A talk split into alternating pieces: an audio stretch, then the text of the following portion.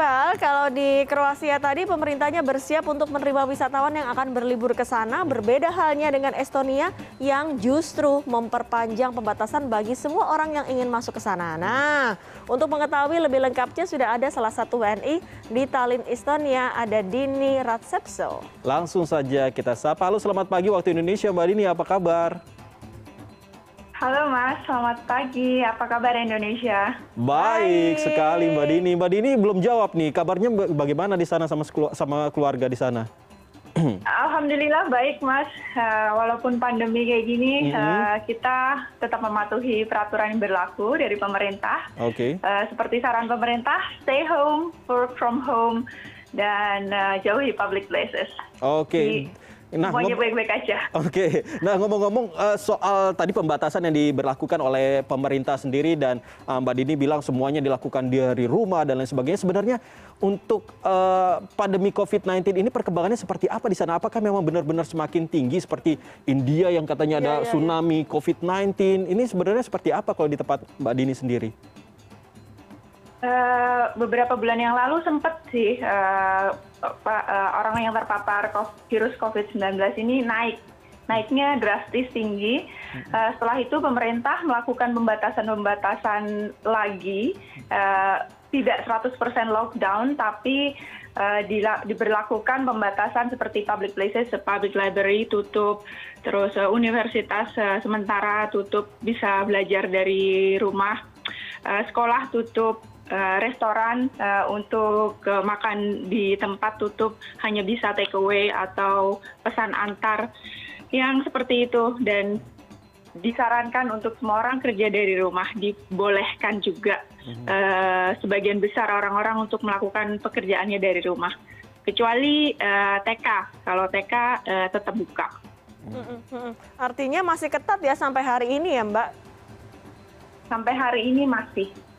Hmm. Kalau kita bicara soal pengetatan, memang setiap negara beda-beda ya Iqbal ya. Kalau tadi kita dengar di Kroasia uh, dilonggarkan, tapi di Estonia diketatkan. Nah ini kan di suasana Ramadan seperti ini pengetatan uh, atau restriksi dilakukan. Bagaimana suasananya Mbak? Kalau kita bandingkan misalnya sebelum pandemi begitu?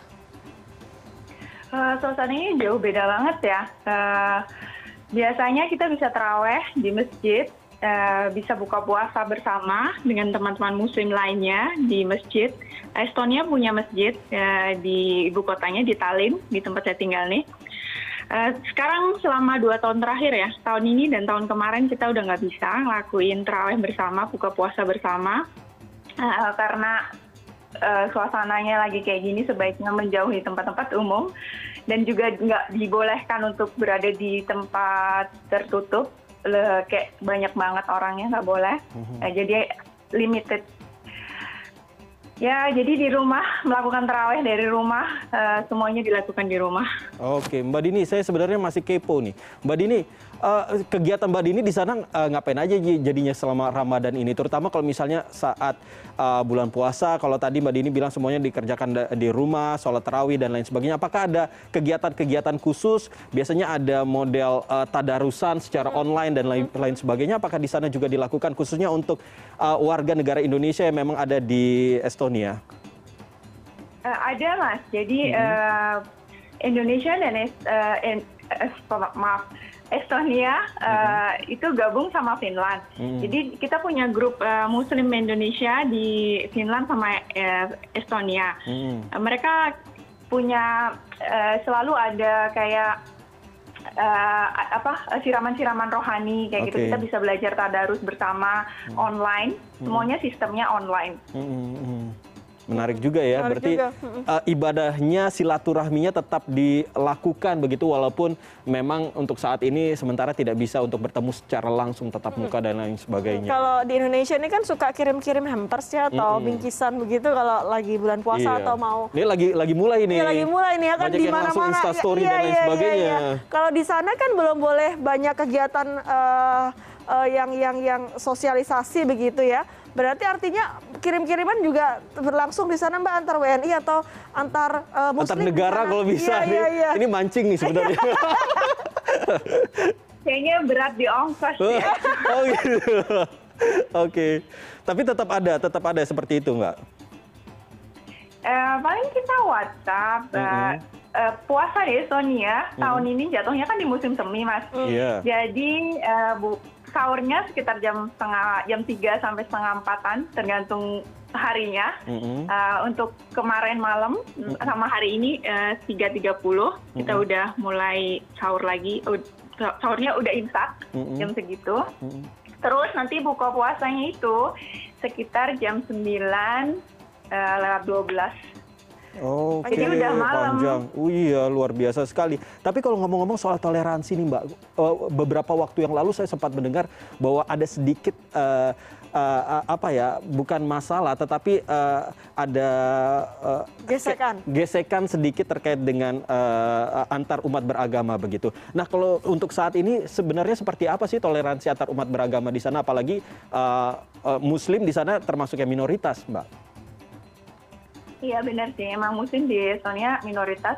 Saya secara pribadi eh, tidak pernah mendapatkan perlakuan yang tidak mengenakan ya Mhm. eh, dari masyarakat eh, lokal sini sendiri. Mhm. Karena orang sini pada dasarnya, pada dasarnya atau orang-orang yang saya kenal Mhm. itu nggak nggak ada yang punya masalah, Masalah. dengan eh, saya I'm being Muslim or Mhm. the others being Christian or something. Mhm. Jadi kayaknya saya nggak pernah tuh ngeliat yang kayak gitu dan tidak pernah mengalami. Semoga Oke. tidak juga di masa Alhamdulillah mendatang. ya, senang Alhamdulillah ya. dengernya. Hmm, Jadi artinya kalau lagi puasa, kalau kita bicara masa lalu ya sebelum pandemi ini kan apa-apa nggak boleh gitu. Berarti artinya kalau Mbak lagi puasa, teman-teman menghormati semua ya Mbak? Oh ya, they know. The- mereka tahu kalau seandainya pas puasa, eh, saya nggak kan saya kerja di TK ya, jadi mereka tahu saya siang nggak bakalan makan dan nggak bakalan minum, jadi mereka juga nggak bakalan nawarin saya. Hmm. So, Asik it. sekali ya.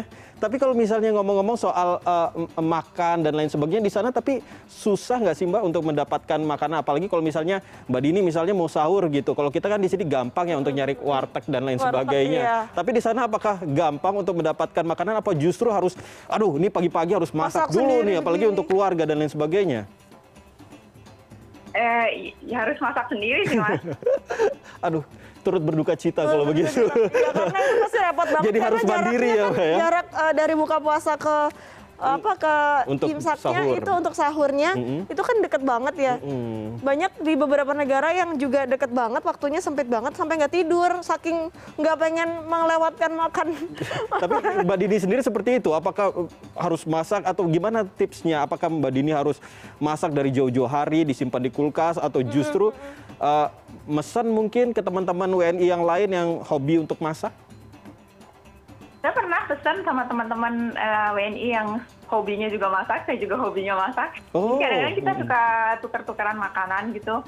Terus eh, biasanya saya suka masak besar, eh, saya simpen di kulkas, nanti kalau mau makan baru dikeluarin terus diangetin. Biasanya apa Kayak tuh gitu Mbak yang menunya? gampang. Menunya apa tuh Mbak biasanya yang bisa dianget eh bisa dimasukin kulkas terus langsung mungkin digoreng-goreng ayam iya, kali ya. langsung cepat.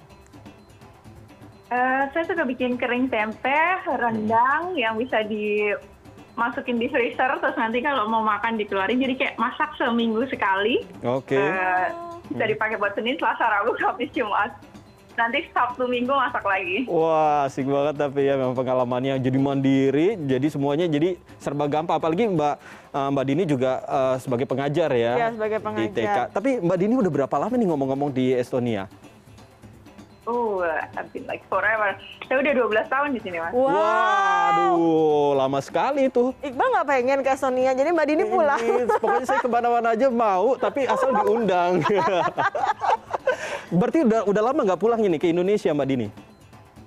Ah, sebenarnya saya coba biasanya saya pulang hampir tiap tahun tapi Oh. karena tahun kemarin udah pandemi jadi nggak Mm-mm. bisa pulang tahun ini kayaknya hold on kayaknya saya juga nggak pulang Oke. mungkin tahun depan insya Allah Di Indonesia di mana kampungnya, Mbak Dini? saya dari Surabaya Oh dari Yes, Surabaya. Oh. sambel. Sego. Apa ini kangen ini nih di Surabaya? rawan rawan, rawan setan Rawan setan, Oh. sego sambel, nasi kerawu ya dikit geser dikit ke Gresik ya. Waduh, tapi bisa nih masak rawon setan dan lain sebagainya di sana. Kalau misalnya kangen. Bisa lah mas. Wih. Apa sih yang nggak ada sekarang? Di mana-mana ada. Bumbu Indonesia ada di mana-mana. Keren. Tapi mahal nggak sih Mbak kalau dibandingkan dengan makanan yang banyak dikonsumsi di sana harganya misalnya di ASEAN Store gitu mahal nggak sih Mbak? Saya rasa mahal atau enggaknya itu relatif ya. Kalau sebagai orang yang tinggal di sini, saya ngerasa itu nggak mahal. Mhm. Jadi gampang aja dan juga murah meriah ya untuk bisa uh, masak masakan khas Indonesia di sana ya Mbak ya. Ya udah udah banyak maaf kayak bumbu-bumbu yang fresh gitu kayak kunyit, eh, Oh. daun serai, eh, daun jeruk, kayak gitu, jahe, kayak gitu-gitu banyak banget di sini. Oke, tapi ini ada rencana juga nih pulang ke Indonesia Nah, nih Mbak. iya kebijakannya gimana sih kalau mau pulang dari Estonia? Kalau di sini kan harus karantina dulu boleh, tetap boleh. Tapi beberapa negara termasuk India kan nggak boleh ya. Tapi mungkin Indonesia nggak boleh, Pak. Oh, iya benar. Indonesia nggak Ya boleh. udah. Buktinya di- dari India aja disuruh balik lagi. Iya, iya, Tapi iya, kalau iya. di sana gimana Mbak Dini? Apa Mbak Dini bisa pulang ke Indonesia nanti Idul Fitri? Saya berharap sih bisa pulang, Mbak. Pengennya sih pulang mas ya, Mm-mm. tapi kayaknya saya belum ada planning. Eh, seandainya pun bisa pulang, Mm-mm. eh, saya rasa saya bisa karena saya warga negara Indonesia, saya punya hak pulang ke Indonesia. Wow. Tapi nanti saya bakal susah kalau saya pulang lagi ke sini, Oh, mungkin saya bakal iya. dikarantina. Oh ya, iya karena juga. jumlah kasus Indonesia kan hmm, Mm-mm. lebih dari ketentuan dari Estonia kan itu tadi 150 kasus Mhm. per 100 ribu pendudukan. Luar Sedangkan kita sekali kan ya. banyak. Kita juga kasusnya. banyak begitu. Tapi di sana untuk masyarakatnya sendiri sangat menerapkan protokol kesehatan ya, Mbak ya?